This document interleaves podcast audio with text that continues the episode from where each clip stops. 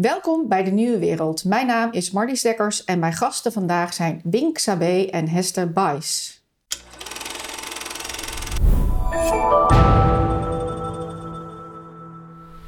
Welkom. Ja, dank je. Dankjewel. Ik ga heel erg zoom in, zoom in. Ik koop al dit boek. Ik heb er geen aandelen in, maar dit is denk ik misschien wel het meest belangrijke boek van deze tijd. Dus als je deze tijd wil begrijpen, zou ik echt zeggen worst bank scenario over netwerkcorruptie. Maar zo erg dat ik niet eens kan voorstellen dat dat bestond. De grootste bankenfraude ooit. We hebben hier al een keer een afle- aflevering over gemaakt. We hebben het over het eerste gedeelte gehad, over de rentederivaten. Ja, Daar had ik zelf een grote betrokkenheid op, maar dat speelde toch een beetje in het verleden. Wat er is gebeurd, beschouwend. Rechtszaken. En eh, deel 6, dat ging eigenlijk een beetje meer over de lijnen doortrekkend. Zeg ik dat goed? Ja, dat klopt. Maar nu zitten we in de doorgetrokken lijnen. Ja, ja. Ehm, en misschien, weet je, toen ik dit nog drie kwart jaar geleden of zo, dan zou ik nog denken, nou, huh, huh, huh. Maar gewoon het nieuws van nu. Drie banken staan op omvallen. Credit Suisse, Deutsche Bank, UBS. Ik, ik had na Lehman Brothers dit nooit kunnen voorstellen dat dat weer zou gebeuren. Ehm, Nederland leent 23,5 miljard voor vergroening van energie, energiebedrijven prijsplafond. Gewoon even maar een paar dingen eh, noemend. En bank-conformed pensioenfonds almost collapsed amid market meltdown. Gewoon even drie dingen die ik gewoon nu deze uitzending wil proberen te adresseren. Ja. Dus dat, dat, ehm, daar moet jij mij vooral heel erg bij helpen. nou, we gaan ons dit best is- doen, Dit is eh. zo complexe shit.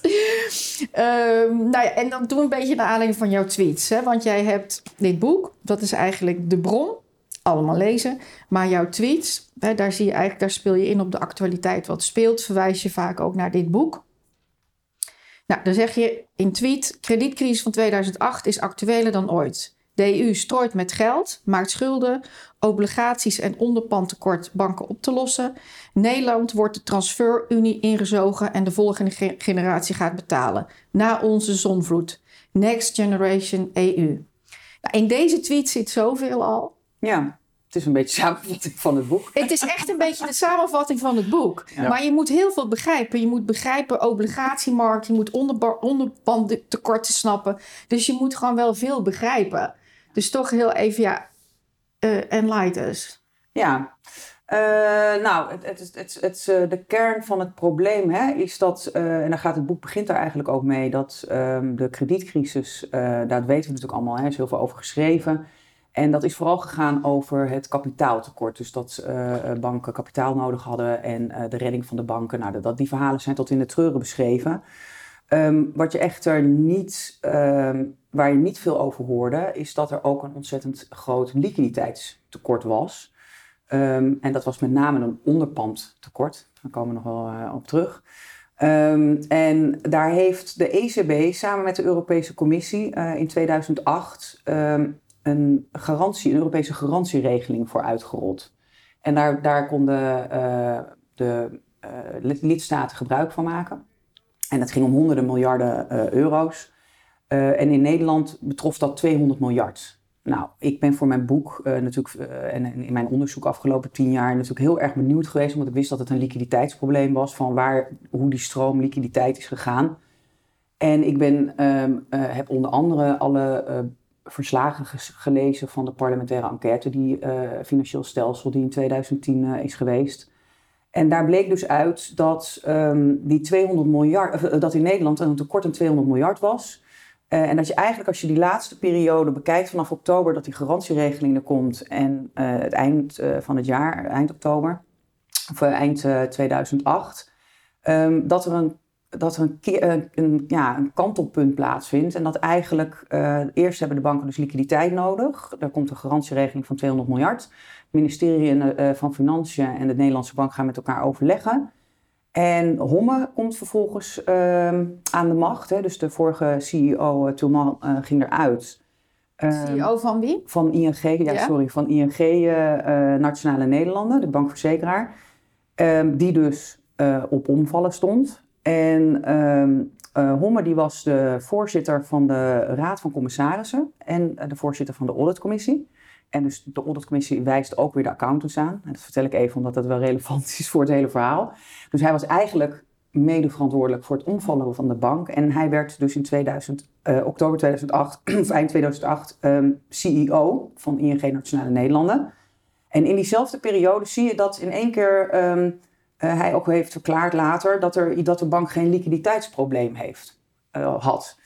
En, uh, ik wil toch heel eventjes gewoon, weet je, ik, ik, ik zou het nou, vind het heel fijn als iedereen het gewoon begrijpt. Dus liquiditeitstekort is gewoon uh, dit is je portemonnee, er zit niks meer in. Hè? Ja. Dus het is gewoon, je hebt geen geld, zeg maar. Dus je had, er was een gat van 200 miljard. Ja, maar dat heeft wel ook te maken, dus uh, banken die, uh, heel simpel gezegd, banken lenen lang geld uit trekken dat kort aan en die moeten dat renterisico uh, wat je dan loopt omdat je op de uh, kapitaalmarkt een andere rente betaalt dan eh, een langere, hogere rente dan op de geldmarkt, dat risico dekken ze af met rentederivaten. En dat, Daar hebben we het vorige keer over gehad. Ja, en, dat, en rentederivaten die hebben een, een liquiditeitsrisico, een onderpandsrisico. En dat is met name op het moment dat je tussentijds um, failliet gaat, dan moet je dus uh, elkaar het restantbedrag betalen van de, de marktwaarde die dat product heeft. En het is dus ook eigenlijk al in Nederland ja, een verplichting vanuit zowel de regelgeving van de Nederlandse Bank als van de AFM. Dat je dus goed liquiditeitsbeheer moet doen en dat je dus eigenlijk liquide onderpand moet aanhouden voor die rentederivaten, zodat je altijd meteen kan voldoen als een tegenpartij omvalt. Of jij dus, dus, in die markt is het eigenlijk heel gebruikelijk dat je uh, hoog liquide onderpand gebruikt. En dat zijn dus staatsobligaties of cash. Ja, dan wil ik even, even staatsobligaties zijn uh, leningen aan de bank, aan, aan, de, aan de overheid. Ja, dus dat zijn, uh, de overheid trekt geld aan en geeft dus obligaties uit. Dat zijn dan effecten. En dat doen vooral pensioenfondsen? Uh, die, nou ja, die kopen ze, maar dat is dan, die ruilen ze dan weer. Hè? Dus dat, dat, is, eigenlijk het hele, uh, het hele systeem van uh, de, die, die obligaties, voor voor, even voor dit verhaal, die zijn van belang omdat die dus kunnen dienen als onderpand voor die derivaten. Dus die, die hebt onderpand nodig um, om, om die derivaten te kunnen verhandelen. En um, daar is het, nadeel van die regelgeving is, is dat het nationaal was. Dus dat je zag dat dat voor de kredietcrisis heel veel landen dat niet nationaal hadden geregeld. Dus dat er ook heel veel, landen, heel veel partijen geen liquide onderpand hadden. De Nederlandse banken moesten het wel aanhouden op grond van de regelgeving. Maar die hebben het uh, niet aangehouden. Die hebben het, uh, hè, dat kom je, dan kom je weer bij onze klanten, hè, de klanten uit die zeg maar, zoals jij zelf een, een swap hadden, die hadden eigenlijk hoog liquide onderpand moeten verstrekken.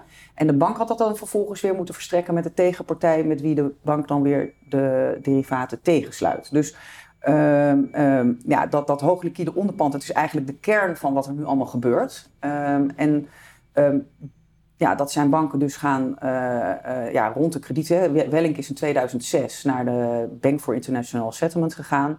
En dan zie je dus dat uh, liquiditeit op de agenda komt. En ja, daarom stel ik ook in, de, in het boek de vraag aan de vooravond van de kredietcrisis: van is nou die kredietcrisis ontstaan omdat men bezig was met dat onderpandprobleem op te lossen? En dus een, soort kip en het ei verhaal. Of um, ja, is het echt daadwerkelijk dat die uh, gewoon in één keer die markt opdroogt, zoals het gebracht is. Hè? Van uh, banken vertrouwen elkaar niet meer en uh, die markt stil, viel stil. Ja. Pink, ja. dit stuk alles vrij complex. Ja. ja. en jouw taak ook in het boek is toch om te proberen dat wij dit gewoon nog kunnen begrijpen. Ja. Nou ja, kijk, daarom zijn we ook begonnen in het boek met, met, met die rentederivaten. Omdat het eigenlijk dus uh, de kern is uh, waaruit het probleem is ontstaan. Omdat dus die liquiditeitstekorten daaruit uh, voortkomen. Ehm, vervolgens heb ik natuurlijk ook beschreven hoe dat dus eerst ging. En hoe zeg maar langzaam dat bank, bankmodel, dat verdienmodel is, is veranderd. Dat hebben we natuurlijk in het vorige gesprek hebben dat, ja. uit, uitgebreid behandeld. En dus nu komen we eigenlijk dus op het punt van, hè, dus er kwamen die liquiditeitstekorten in Nederland 200 miljard bij al die banken. Uh, en dan zou je dus verwachten uh, dat dat opgelost zou worden. Uh, hè, als je het probleem onderkent, ga je de oorzaak oplossen. Ehm, en, dat is dus niet, en, dat, en dat is dus niet gebeurd. Maar 200 miljard heb je ook niet zomaar dichtgelopen, lijkt mij. Nee, Dat, eh, dat is, eh, maar dan moet je daar gewoon transparant over zijn. En dan kun je gaan kijken hoe je het wel kan oplossen. En dat is dus niet gebeurd. Dus ze hebben het probleem elke keer voor zich uitgeschoven. Dus dat, hebben dus, hè, dat is dus eerst die 200 miljard is dus eigenlijk, hè, dat werd eerst gedekt door die bankverzekeraar. Dus die banken die waren samengegaan met die verzekeraar. Hè, die vormden dan uh, zo'n groot concern. En dan konden ze gebruik maken van uh, de levensverzekeringen en de pensioenverzekeringen van die verzekeraars. Die moesten toen uit elkaar. Uh, in 2013 was de bedoeling dat dat zou gebeuren. Dat is niet gelukt. Dus hebben ze een schijncorstructie hebben ze opgetuigd. Dat staat ook in het boek beschreven, waar dus pensioenfonds ABP en pensioenfonds Zorg en Welzijn. Dus niet, die, het gaat eigenlijk over die, docht, over die uitvoeringsorganisaties APG en PGGM. Die hebben toen een, ja, dat noemen wij pensioen-CCP's opgetuigd om dus tijdelijk als tussenschot te fungeren tussen die bank en die verzekeraar waar ze vanaf moesten. Ja, en ik wil daar wel op aanvullen dat dat dus ook niet kon. Uh, dat, die, de, die bank, uh, dat die bank eigenlijk de liquiditeit uit de verzekeraar haalde. Um, dus dat, uh, dat je dan ook ziet.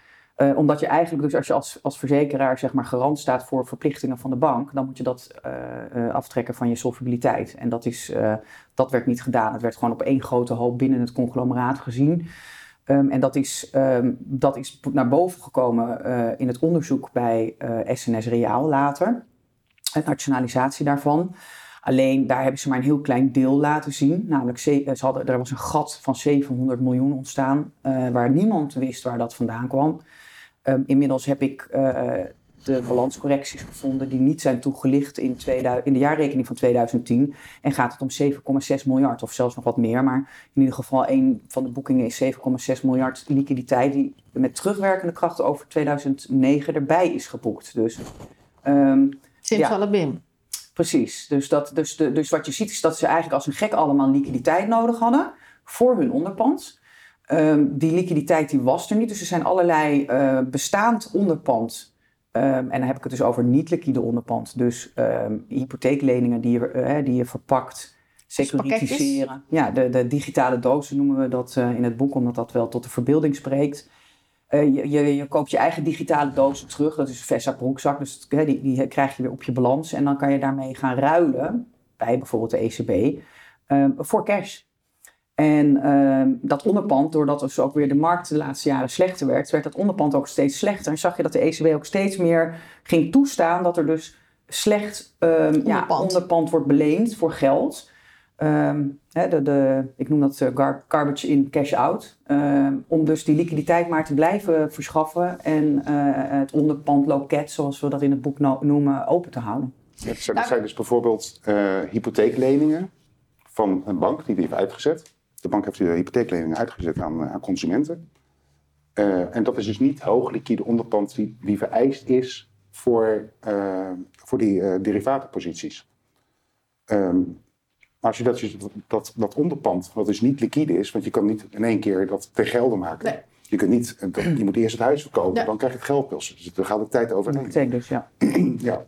Um, en dat, uh, dat, dat, dat, dat, en dat konden ze dus wel kwijt bij de ECB. En die gaven dus gewoon daar geld voor terug. Dus hadden ze dus op dat moment weer hoogliquide onderpand. Wat dus eigenlijk geen hoogliquide onderpand was in de basis. In de basis. Uh, die hypotheekpakketjes, dat kennen we van die crisis van 2008. Ja. Voor mij is deze kop nieuw dat, uh, dat Bank Conference pensioenfonds almost collapsed. Dus dat die pensioenfondsen in Engeland nu dreigen, blijkbaar is het 1 voor 12 dat de pensioenfondsen ook omvallen, omdat die dus zijn ge gebruikt ook voor die liquiditeit. Begrijp ik dat goed of niet? Ja, uh, uh, nou, de, de, pensioenfondsen zijn de tegengestelde partij van de bank. Hè. De bank die zit er eigenlijk tussenin. Dus dat is eigenlijk afgepeld de, de, kernvraag van vandaag de dag. Um, banken, zijn dat nog wel banken of zijn dat gewoon niet een soort van hedge-instituten geworden die allerlei risico um, lopen, maar vervolgens verpakken en weer doorverkopen. En pensioenfondsen die zaten als tegenovergestelde partij tegenover uiteindelijk de klant, met, de, met de bank ertussenin. Um, en omdat de rente was gedaald, hadden die pensioenfondsen een positieve waarde, dus die verdienden daaraan. Maar omdat nu de rente gestegen is, krijg je de omgekeerde positie. Dus zitten die pensioenfondsen krijgen uh, margin calls, onderpandtekorten. En die regelgeving is jarenlang vanuit de lobby, ook uit uh, Nederland, uh, is daar een vrijstelling voor verleend. En die is ook onlangs weer in juli verleend voor een, verlengd voor een jaar van de ESMA. Dat zij dus niet hoeven mee te doen aan die clearingplicht. Dus zij hoeven nog niet um, formeel zeg maar echt hoogliquide onderpand via zo'n clearinginstituut aan te houden. Maar die tegenpartijen zullen natuurlijk wel onderpand willen hebben. Dus je ziet dat die schaarste, doordat die rente stijgt, op die uh, onderpandmarkt, zeg maar, op de repo-markt die daarvoor gebruikt wordt, dat die steeds groter wordt. En dat is dus de, de, ja, waar de pensioenfondsen nu mee te maken krijgen, dat die dus als een, ja, dat die onderpand nodig hebben. Het voordeel is dat staatsobligaties, maar dus ook Europese obligaties, en je voelt hem aankomen, dat die ook dienen als hoogliquide onderpand. Dus de, um, ja, dat, dat programma uh, wat, waar, hè, waar we het over hebben, dat, dat, dat loopt al veel langer en dat gaat te langzaam. Er moeten zoveel mogelijk staatsobligaties. Hè, er, ik, ik had ook een tweet, volgens mij gisteren of eergisteren gepost, dat, um, dat er in 2021, of, ja, 2021, ergens in oktober, um, dat, dat er een vraag van meer dan 200 miljard naar um, EU-obligaties was, terwijl de eerste, eh, of op dat moment de uitgifte, eh, ik weet niet meer precies 17 aan mijn hoofd, miljard of precies, zo. 17 miljard was. Dus um, dat geeft aan hoe hoog uh, de, de, de nood is. Ja. Alleen ja, daar, daar gaat dus, uh, hè, daar, daar, zullen we het zo verder over hebben, maar daar zit voor mij uh, het punt dat ik zeg van ja, het is mooi dat je die EU-obligaties um, daarvoor wil gebruiken, maar er komt een enorme grote schuldenlast die naar de toekomst wordt verplaatst, hè, Next Generation. Um, het wordt in allerlei projecten geduwd waar totaal geen controle of nauwelijks controle, beperkte controle op is. En uh, de, de, het netwerk, de vriendjes, delen ook allemaal dat geld aan elkaar uit. Dus het is niet, het is niet iets wat in mijn ogen nou echt heel erg gewenst is. Nou, en het is voor mijn gevoel zo ver af van wat een gewone burger denkt wat een bank is. Wat een gewone burger denkt wat een pensioenfonds is. Die betaalt gewoon heel zijn leven, zeg maar, gewoon pensioen. Ja. Um, die weet niet over onderpand. Of uh, waarom het nou zo belangrijk is dat die rente stijgt of daalt. Voor mijn gevoel is er altijd gezegd: lage rente, ja jongens, daarom moet er waarschijnlijk een correctie naar de negatieve kant gebeuren. Uh, want de, de, de rente staat laag. Dat zou iedereen zijn pensioen verlagen. Nu is die omhoog, nu is het ook weer slecht. Ja. Dus, ja, dat dus is... wat is nou goed dan? Nou ja, dat was natuurlijk ook het probleem bij de andere kant bij de klanten. Uh, hè, de rente daalde. Ze hadden zich uh, beschermd tegen de rentestijging. Maar doordat dat liquiditeitsprobleem er kwam, deden de banken uh, de rente omhoog. De liquiditeitsopslag introduceerden ze. Waardoor die klant dus een renterisico liep, want hij ging meer rente betalen. Dus het is een, het is een, je, je zit in een soort van schulden, uh, debt trap, schulden, uh, hoe noem je dat, fuik. Uh, waar je niet uitkomt, omdat het allemaal tegengestelde, ja, maar ook communicerende vaten zijn. En, maar wat altijd fout afloopt. Nou ja, het is, het is in ieder geval, als je niet wil constateren dat je een heel groot tekort al had, dan ga je eigenlijk een onderpandtekort vullen. Uh, dat wordt dan het, het motief, um, terwijl dat allemaal neveneffecten heeft, omdat je nieuwe schulden gaat uitgeven. Dat moet natuurlijk economische groei be, he, uh, uh, bewerkstelligen. Nou ja, dan nou ja, of energie, energiebedrijven helpen, 23,5 miljard. Ja, maar daar heeft ook weer hetzelfde plaatsgevonden. Hè. Ze hebben lange, lange contracten met klanten zijn ze aangegaan en ze kopen kort in. Uh, en, uh, uh, of ze kopen, ze hebben langlopend uitverkocht, ook verkocht aan het buitenland. Dus daar zit ook een soort van de Big Short deel 2. Um, zit, er zit eigenlijk hetzelfde principe in. En dan wordt het ook nog eens een keer met commodities, dus met derivaten gehandeld in die wereld.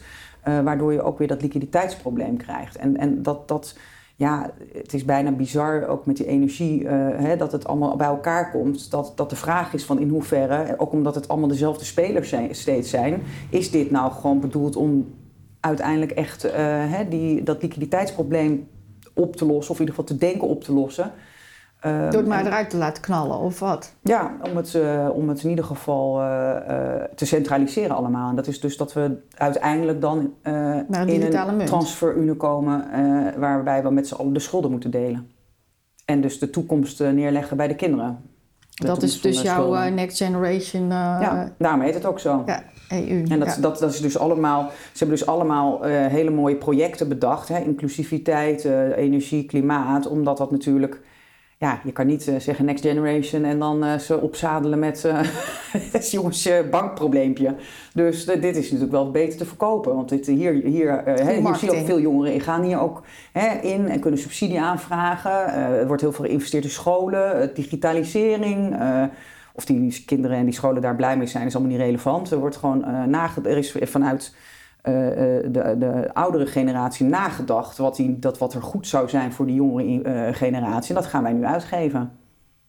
Maar ik doe dat, dat, dat 200 miljard tekort wat, uh, wat er is. Betekent dat over een maand of twee maanden, dat net zoals nieuw drie banken staan op omvallen. Deutsche Bank, dat is nog een grote bank. Over 1, 2, 3 maanden Nederlandse banken die op punt staan om om te vallen. Want ja, 200 miljard tekort. Ja, dat, dat zou, kijk, het hangt er vanaf hoe. hoe uh, uh, we weten uit uh, iedere crisis en ook de laatste kredietcrisis dat um, de liquiditeit ineens stilvalt. Dus als echt in één keer het vertrouwen echt weggaat, dan, dan, ja, dan, dan, heeft, dan hebben alle grote partijen een probleem. En dan hebben we wel nu een, een nieuw afwikkelingssysteem, waardoor er wel wat triggers in zitten en stops in zitten, dat het niet in één keer ja, als een grote ontploffing zal gaan. Maar ja, de, de, het, is een, het werd in 2009 al een onoplosbaar dilemma genoemd. Um, en dat on, onoplosbare dilemma wordt alleen maar groter. En, en het probleem is ook, doordat je dus niet vertelt hoe je het oplost en wat het probleem is... Um, hebben landen ook allemaal een andere agenda, een verborgen agenda. He, dus als je ziet van Nederland, uh, dat was wat ik aan het begin vertelde, dat die 200 miljard, dat er dus in één keer geen um, liquiditeitstekort meer was. En uh, dat ze dus dat geld eigenlijk dus uit het pensioenfonds hebben gehaald. Hè, via het pensioenfonds hebben geleend. Uh, ja, dan, waardoor het opgelost was. Ja, waardoor het opgelost was. Maar waardoor je natuurlijk naar het buitenland toe... die dus geen pensioenfondsen hebben... Die kon dat niet doen. Precies. En dus die hebben waarschijnlijk nog hogere staatsschulden. En hè, nou ja, daar heb je natuurlijk al het, het sowieso het bestedingsverschil en het, het begrotings uh, discipline, hè, uh, verschil tussen Zuid en Noord. Dus er zitten allerlei verschillende elementen in die, die, ja, die als je dat niet eerlijk allemaal open op tafel legt, dan kom je daar nooit uit. Ja, dit, is, dat, dit sluit aan bij wat je net zegt. Jouw tweet, pensioenfondsen hebben 200 miljard nodig, 2011, um, ehm, als pensioenfonds als hypotheekbank. Waar komt dit tekort in de pensioensector in 2011 vandaan? En is er een link met de 200 miljard liquiditeitstekort van de bank eind 2008? Ja, en dit is, komt uit een artikel, wat uh, gewoon letterlijk de tekst is. Dus uh, je ziet uh, dat um, als je dat als je eenmaal weet wat je zoekt, dan ga je uh, daar nog meer op zoeken. En dan kom je het ook allemaal tegen. Dus dan zie je ook dat het een scenario is, zoals wij dat schetsen. Uh, met in 2011, 2011 is een heel belangrijk jaar, want toen heeft Draghi samen met Trichet. Dus Draghi was toen uh, nog de voorzitter van de EU volgens mij en Trichet van de ECB. die hebben toen een geheime brief gestuurd ehm, naar Italië, naar het kabinet in Italië, regering in Italië, um, om dus de Italiaanse staatsobligaties op te kopen. En waarom? Omdat uh, eigenlijk uh, dat hoogliquide onderpand, dan hangt ook weer vanaf wat de kwaliteit van het land is, hè? De, de status van het land, de, de, financieringsmogelijkheid. Um, en eigenlijk waren alleen nog Duitsland en Nederland hoogliquide staatsobligaties. Dus um, wat heeft Draghi gedaan? Draghi heeft het onderpandloket geopend. want Draghi ging toen vervolgens naar de ECB in 2011. Het onderpandloket noemen wij dat, is geopend. En die heeft die onder andere de Italiaanse staatsobligaties opgekocht en daar geld voor gegeven. Dus dat is dan garbage in, cash out. Um, nou ja, en dat, dat moest steeds meer. Dus wat je eigenlijk ziet in die markt, en dat wordt ook bevestigd door uh, oud-collega's van mij. Hè. Ik, uh, ik heb altijd in de, in ik werk in de wholesale kant, dus in de professionele markten. En uh, daar heb ik een groot netwerk. En ja, daar hoor ik ook gewoon van diverse collega, oud-collega's en vrienden dat ze van gekkigheid niet weten wat ze moeten gaan verpakken en verpanden om vervolgens hoogliquide onderpand te kunnen verkrijgen. Dus er, is, er is gewoon een groot probleem. Maar is het, Wink, jij moet het ook heel even voor ons gewone burgers. Ik ga mijn best doen. Ja, volgens mij zegt Esther dus nu... Je hebt een hele grote schuld als Europa. Eigenlijk is alleen Duitsland en Nederland liquide genoeg. Maar je werkt naar van je moet dat samen eh, ergens maar digesten. Die hele grote schuld. Ja. Dat is simpel samengevat. Ja, ik denk dat, dat, ik, ja, ik, ik denk dat, dat, dat, dat, dat ze gewoon geen oplossing weten. Want ja, dat, ja, de, de oplossing is natuurlijk dat je gewoon de, de, de banken gaat eh, hervormen. Eh, hè, dat, dat de banken dus weer gewoon eh, doen wat ze moeten doen. En dat is eh, de financiering verzorgen voor het bedrijfsleven. Eh, en daar staat dit heel ver vandaan. daar staat dit heel ver vandaan. Dat is ook maar een hele kleine. eh, eh, dat is maar een heel klein deel van een bank. Dat is ook, als je gaat kijken wat een bank allemaal verder doet, is ook de vraag van ja, is dat nou allemaal wel zo gewenst en moeten ze dat allemaal nou voor rekening van de maatschappij doen? En dat is natuurlijk, eh, daar zitten natuurlijk enorme belangen achter die dus dat zullen bevestigen dat dat heel hard nodig is. Maar ehm, ja, het is, ik, ik ben het met eh, Wink eh, eens dat, dat ik denk dat er niet een, een, een pasklare oplossing is. Ehm, ik heb van de week het eh, interview zitten kijken van eh, Paul Buiting met eh Ab Flipsen. En die zegt dat heel mooi. Die zegt gewoon, nou ja, we moeten gewoon... Door de chaos heen. Ja, we moeten gewoon accepteren dat, het, dat er geen oplossing is. En chaos creëert weer altijd iets nieuws. Nou ja, dat is ook al een beetje hoe ik er laatste jaren erin ben gaan staan. Hè, voordat ik dat boek ging Ja, publiceren. weet ik, maar dat is, dat is wel een gelatenheid nadat je er de hemel doorheen bent gegaan, zeg maar. Ja, maar ik denk er natuurlijk wel over na, überhaupt toen wij elkaar tegenkwamen, wil ik een boek schrijven. Want ik realiseer me natuurlijk wel dat het een, een verhaal is. Hè, dat, dat had ik eigenlijk al in 2014 toen ik het voor het eerst ging melden bij de AFM. eh, dat, er, eh, dat, het een, een, dat, er, dat er een systeemrisico in zit. Dus dat het, dat het echt een groot probleem is. Alleen ja, de wijze waarop eh, het eh, eigenlijk de ondernemers en de semi-publieke sector werd afgeslacht gewoon. En dat dat gewoon werd genegeerd. En dat daar dus ook de advocatuur de vrije hand in kreeg. En dat nou ja, uiteindelijk eh, iedereen die verhalen wel kent. dat je jarenlang gewoon alleen maar ellende ziet. En, en het hele MKB afgebroken ziet worden. Ja, Ja, maar ik- met dit wat er nu gebeurt, denk ik, ja, gaat dit weer nu onze kant op komen, MKB? Ja dat gaan is, ze eh, weer van een, eh, alles bedenken? Want wij moeten iedere keer gewoon dat, dat gat maar dichten. Nou ja, de, de, de, precies. En dat is ook, eh, daar, hebben natuurlijk, daar zitten natuurlijk belangentegenstellingen. En eh, er is eh, de, de faillissementswet is natuurlijk aangepast. Hè. Je kan nu dat, de, de, de, hoe heet die wet? De wet homologatie onderhands akkoord. Dus je kan als ondernemer maar gewoon met je schuldeisers gaan onderhandelen over je rechtsschuld. En dan Mhm. hoef je niet het faillissement in. Ja, dat soort ontwikkelingen worden natuurlijk niet voor niets opgetuigd. Hè? De, daar wordt ook een stuk verantwoordelijkheid bij jezelf gelegd. Eh, ehm, ja, ik, ik denk dat eh, eh, ik, ik, nou ja, ik zie het somber in voorlopig voor, voor de ondernemers. Want ja, er, zitten heel veel ondernemers nog vol met schulden van, die in coronatijd Ja, zijn ja, omdat moeten ze nog, we moeten- moesten. moeten nog belastingen terugbetalen, Ja. waar we uitstel voor hebben gekregen. Ja.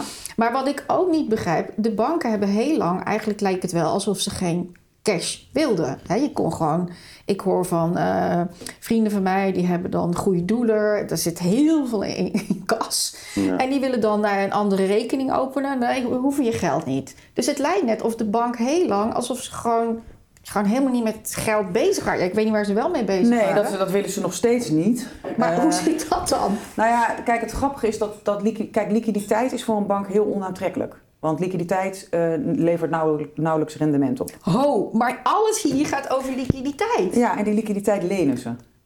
Dus wat Oh, ze willen het niet in het echt, maar virtueel of geleend. dat is dus nog dat, is dat asset eh, of dat eh, collateral upgraden wat, er, wat ik beschrijf.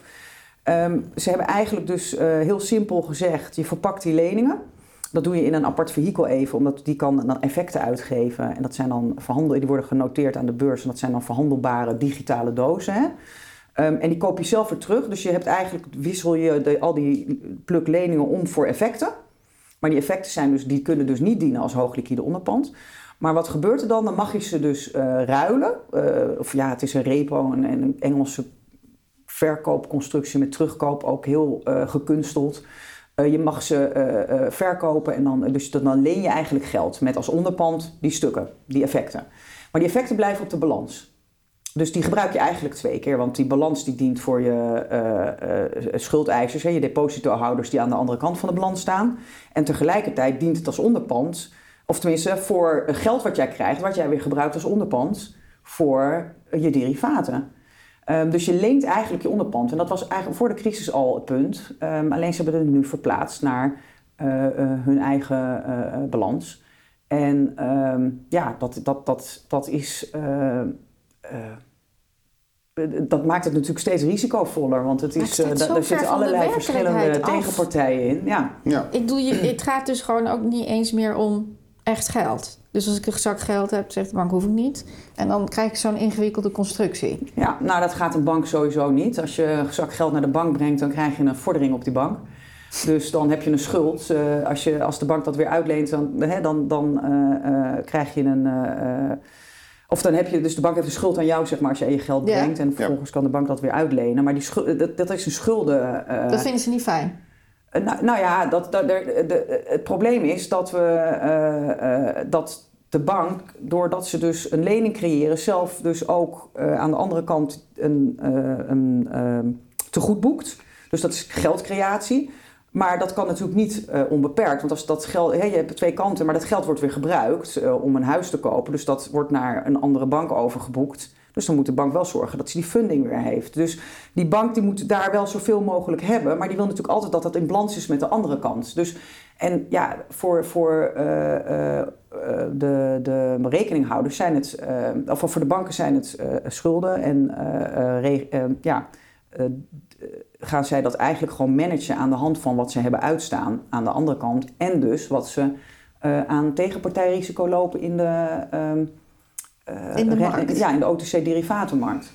Dus het is een heel, het is een heel ingewikkeld proces. Maar de bank is dus eigenlijk gewoon een derivatenvehikel. Ja, het is een hedge-instelling eigenlijk en het hedgt uh, risico's. En uh, dat is, ik denk dat dat eigenlijk de kern van de discussie moet zijn. Van ja, wat, wat moeten wij in de maatschappij met dit soort instituten? En heel veel gebeurt dus nu ook off-balance bij de bank, waaronder dus dit onderpandbeheer.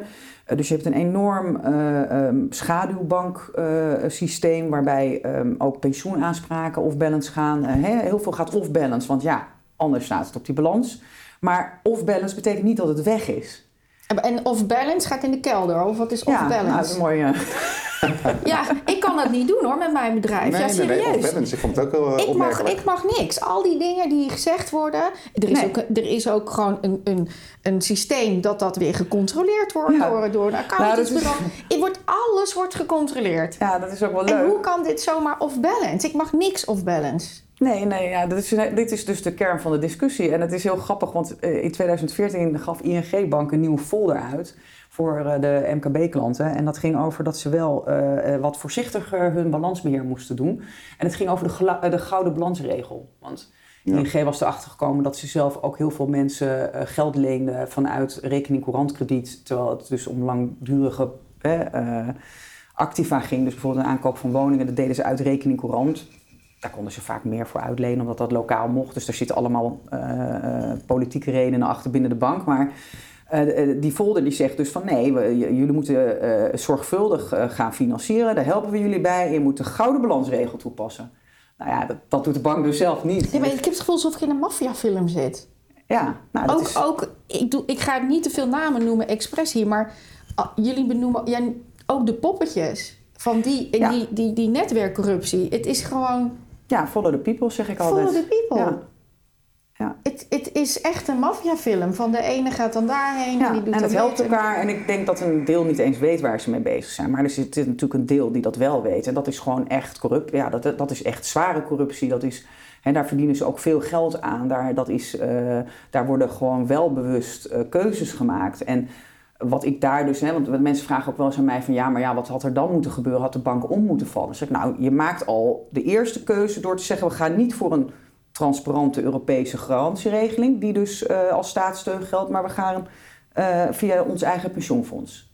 Nou, dan zie je dus dat daar in zo'n pensioenfonds ook in één keer Guy Verhofstadt opduikt uh, in 2009 bij ja. APG. Dat, ach, hè, dat is nu verder met de wetenschap die ik nu heb, denk ik, oh, oké, okay, dan hebben we Fortis dus ook geholpen.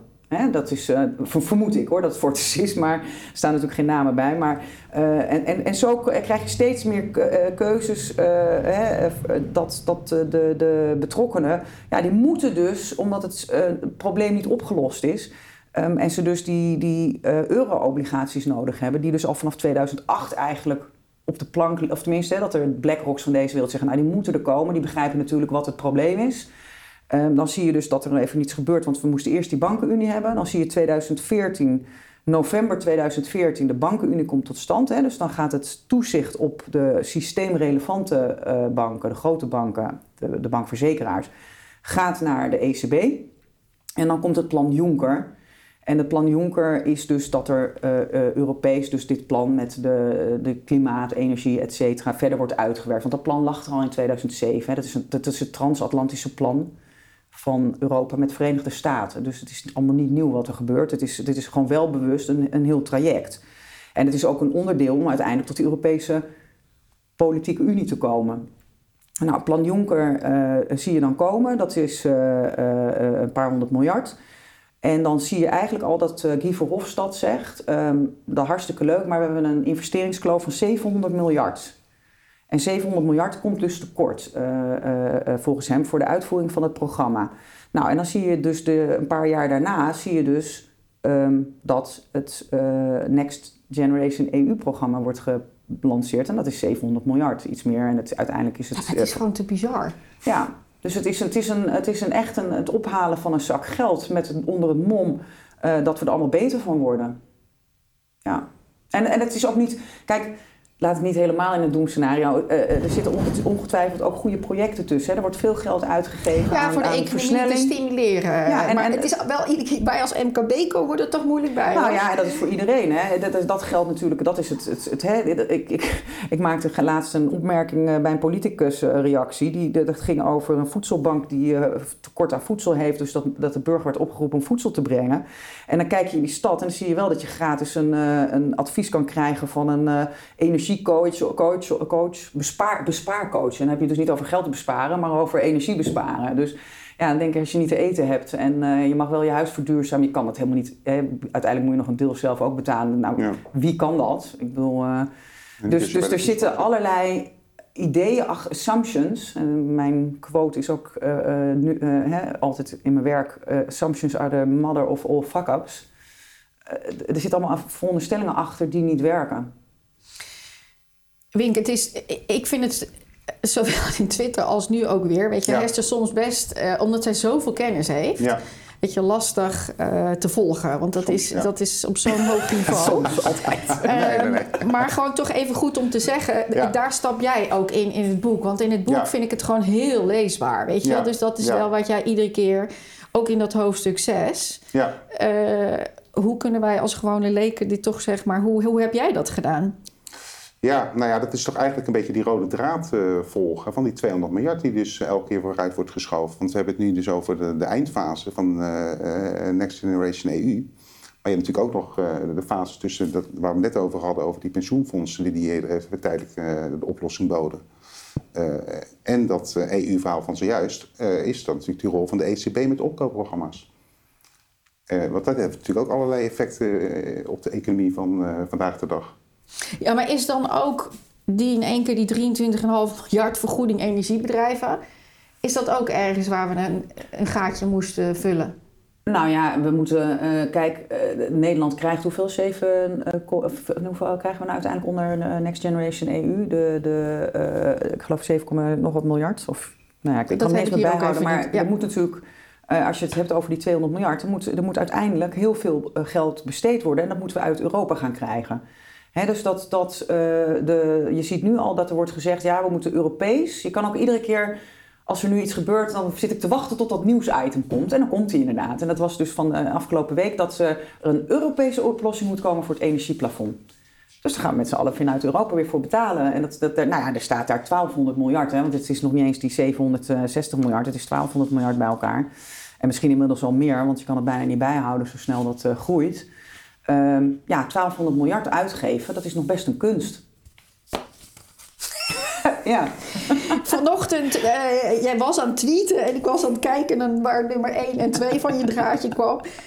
Azië, heeft hier ook nog een rol in? Ja, hey, ik ben ook heel uh, benieuwd wat uiteindelijk de rol geweest is en is van uh, onder andere China. Um, ja, wat je ziet, ik, ik ben daar ook al paar jaar mee bezig. Dus het Ja, voordeel maar is dat doe jij volgens mij dan, wat was het, half zeven of zo? Wat was het Ja, ik- nou, ik ben, ja, sinds ik in de overgang zit, ben ik heel vroeg wakker. Nou ja, ik lijkt me ook, want ik zat het echt te volgen. Ik, word nog wel- eens om vijf uur wakker. Dan denk ik, nou, dan ga ik maar even wat twitteren of zo. En dan, eh, Maar even wat twitteren of zo. Want je, ik, mijn oren die, die zuisten weer van dit nieuws. Dus wat, Ja. wat, hoe nou ja, het is ook allemaal, eh, als je, hè, zoals je ziet, is het ook allemaal eh, oud nieuws in de zin van dat, dat ik altijd gewoon even in mijn Twitter-archief hoef te graven. Ja, en dan ja, denk ja. ik van, oh ja, daar heb ik al eh, wat Iets over gezegd. Dus dan kan ik dat oude tweetje pakken en dat, dat werkt heel lekker, want dan kan je iedere keer gewoon daarop inhaken. Dan hoef je dat niet allemaal uit te zoeken of op te schrijven. Nou, het is wel opmerkelijk dat je het heel vaak al van tevoren al hebt aangekondigd. Ja, meestal Ja, al een omdat- half jaar of een jaar. ja, dat omdat ik weet wat, wat er gebeurt. Dus, hè, de, Ja, maar jij ziet die lijnen dus zo goed waar wij burgers nog zo verrast Ja. worden. Ja, dat, het- nou ja, de, de, eh, die tweet die ging ook over. ehm, eh, wat je ziet is in 2016, 17, 18, 19. ehm, zijn ook heel veel Aziatische landen bezig geweest met dat collateral probleem. En, eh, dus dat, eh, ze wilden eigenlijk ook de Aziatische obligaties in het Europese systeem. Ehm, waarom? Dan wordt de liquiditeit vergroot. En dat is natuurlijk ook de rol van het IMF al jaren. Dus ja, wat ik uiteindelijk denk toch de bedoeling is, is dat alles aan elkaar gekoppeld gaat worden. En dat we dus één groot liquiditeitssysteem gaan krijgen. En daar zijn ook. eh, Maar China trekt zich daar toch ook weer van terug? nou ja, dat is de vraag. Hè. Kijk, ehm, vandaag stond dat eh, bericht, eh, was in het nieuws dat niemand meer wil investeren in Chinese obligaties. Maar de vraag is of dat nou niemand wil investeren of dat het gewoon is dat China tijdelijk dat heeft verstrekt en dat we nu weer op de EU-obligaties overgaan. En dat uiteindelijk dat allemaal weer aan elkaar gekoppeld wordt en nou ja, dat je dan zelf kan bepalen, hè, je hebt liquiditeit nodig. Of dat het inderdaad, eh, de, de vraag, er werd hier gezegd dat het geopolitiek is en dat men niet wil eh, eh, aan, aan China wil, geld wil uitlenen. Dus ja, dat vind ik steeds moeilijk van die berichtgeving, dat het heel vaak niet is wat het lijkt. Dus dat je ziet van. Eh, eh, hè, nu wordt ook weer, net stond er dat het eh, Centraal Planbureau. Ik zei trouwens laatste keer in een in het interview het Cultureel Planbureau bij Laura van Geest. Maar dat zet ik hierbij nog even recht. Dat eh, dat was bij eh, eh, Paul Buiting. Maar eh, eh, het Centraal Planbureau komt nu naar buiten toe van, oh ja, het was, eh, het, het, het, eh, dat, dat we hele grote economische schade hebben met long covid. Dus de, de lange coronatijd, ja, weet je, de, de, de, iedereen wordt nu al wakker, dat dat toch wel iets te simpel, eh, ge- gesimplificeerd gezegd is. En eh, dat het toch wel iets anders ligt. Maar hoe moet ik dat dan zien met, met zo'n Azië? Want als ik jou goed begrijp, zeg jij, toen wij in een liquiditeitsprobleem zaten, heeft eigenlijk Azië heel erg bijgesprongen. En ook voor de kapitaal. De, de, ehm, als je kijkt bijvoorbeeld naar SNS Reaal, wat genationaliseerd is, is eh ehm, eh, Reaal is eh, tijdelijk verkocht aan Ambang. En Ambang eh, eh, is een, eh, een Chinese partij, eh, ehm, een Chinese verzekeraar. Ehm, vervolgens heeft Ambang dat weer doorverkocht aan ehm, Apollo. En Apollo is een, een private equity partij uit Amerika. Die wordt het overigens ook inmiddels de, de, de, bestuursvoorzitter in, in relatie gebracht met Epstein. Dus dat zijn allemaal hele frisse partijen. Ehm, en, Ambang, eh, en, de, en de CEO van Ambang die zit inmiddels 18 jaar in de bak, volgens het verhaal. Alleen als je dan daarin gaat verdiepen, dan eh, zie je dus dat dat een hele eh, invloedrijke persoon is uit China. En dat hij ook nooit een proces heeft gehad. Dus ja, dat dan de vraag is van, zit hij niet gewoon lekker ergens op zijn eiland en vindt het dan wel prima? En wordt er een soort van gedaan naar, naar, naar Europa toe, oh jongens, jullie hebben dat helemaal verkeerd gedaan met die verzekeraars en zie ons is goed zijn. Wij hebben mensen 18 jaar de bak in gegooid. Dus en, en, en, en ja, het feit dat, dat die Chinese partij daar maar even tijdelijk tussen zit en dat eh, dan Apollo ehm, eh, die eh, verzekeraar koopt, ehm, ja, daar, daar zijn afspraken gemaakt. En ja, die, die, die zullen we, denk ik, in de toekomst misschien nog wel een keer eh, te weten komen. Maar dat is natuurlijk allemaal onderdeel van. Ja, maar dit is echt Alice in Wonderland, de rabbit hole. Dit is zo diep in de rabbit hole. En Ja. het is allemaal zo, en dat laat jij ook zo zien, die netwerken zijn zo verstrengeld. Dus afsluitend, Wink, Ja. welke lijnen, kan je nog proberen samen te welke lijnen moeten wij nu als burger in de gaten houden? Weet je, gewoon voor, je hebt spaargeld eh, op je bankrekening. Moet afhalen of niet? Gewoon even, waar, waar moeten wij op letten? Want van, wat als het... ja, jullie hebben hier een jaar over gedaan. Wij, maken niet jaar. druk over spaargeld. Nee, op dit moment eventjes niet. Nee. Nee, maar gewoon, wat moeten burgers doen? Bedrijven MKB. Ik zit al van, nou, als de bank langskomt, ik ga elk lettertje lezen. Weet Nou, je wel. dat is sowieso wat, verstandig. wat gaan ze nu weer bij ons naar binnen duwen, zeg maar. Gewoon, maar wa- wat? Ik, ik, het voelt gewoon zo, eh, het kan van alle kanten komen. Ja, ehm, ja ik, zou, ik zou gewoon eh, voorzichtig eh, zijn en spaarzaam en eh, goed opletten wat, wat er allemaal gebeurt. Ik kan daar geen advies over geven. Ehm, De weet grote lijnen in ieder geval, weet je. Want dat, wat, wat zijn nou de grote... Jij zegt wel, zie de grote lijnen. Nou, de grote lijn, volgens mij, Nou, er is een hele grote de- de- de- schuld. Ja, nou de grote lijn is natuurlijk gewoon dat er gewoon een gigantisch onderpandtekorten zijn. En eh, ja, en dat, die onderpandtekorten die zijn natuurlijk gewoon ja, ontzettend belangrijk voor het vertrouwen in die financiële markten. En het monetaire systeem. Dus het, het gaat allemaal met elkaar, is het verweven. En dus, Maar ik bedenken zij Dus- dan gewoon niet, nou doen we weer een paar digits erbij. Nou ja, ze proberen het natuurlijk op allerlei manieren proberen ze dat elke keer maar gewoon weer in de lucht te houden. Maar ja, op een gegeven moment, en dat was natuurlijk ook bij 2008 bij de kredietcrisis, ja, dan eh, eh, ontstaat er toch wantrouwen. Een soort Dus piramidespel. Nou ja, piramidespel, eh, die woorden die komen van de buurt, ja. Met ons pensioengeld, met ons spaargeld, met ons MKB, met ons... Nou ja, dat, de, pensioen eh, is natuurlijk ook een eh, goed voor, eh, voorbeeld. Dat is in 2015 al in Engeland geliberaliseerd. In de zin dat je dus je eigen pensioen mag gaan beheren. Eh, ja, daar zit ook allemaal dezelfde partij weer bij. Dus daar zitten hele andere belangen achter. En de vraag is of dat nou zo in het belang van die pensioenbelegger is. Want ehm, daar zijn ook al heel veel beleggers inmiddels, pensioendeelnemers, gedupeerd door allerlei beleggingsschandalen, fraude, cetera. Dus dat, eh, eh, dat dat er nu doorheen gedrukt wordt, dat is natuurlijk omdat daar hele grote partijen achter zitten die daar weer lekker aan gaan verdienen. Waaronder dus Apollo, de, hè, de partij, dat heet Atora nu, het oude SNS Reaal, Vivat, et cetera. Maar ook ehm, Theo Kokke, die dus nu ons, eh, hè, onze hoogleraar, die mag adviseren over eh, het, eh, of die eigenlijk al, al vanaf voor de kredietcrisis, hè, die komt ook in het boek voor met Cardano, de hele pensioenindustrie vol ehm, laat met ehm, derivaten. Ja, Cardano heeft begin dit jaar Actiam overgenomen. En Actiam is het oude SNS Asset Management. Dus dat is, ehm, ja, dat, wat is, dat is dat bedrijf wat voor 1 euro verkocht is aan die Ambank. Dus de, eh, en, en dat betekent dus dat Cardano, daar zit inmiddels de CEO, dat was de oude head market risk van ING.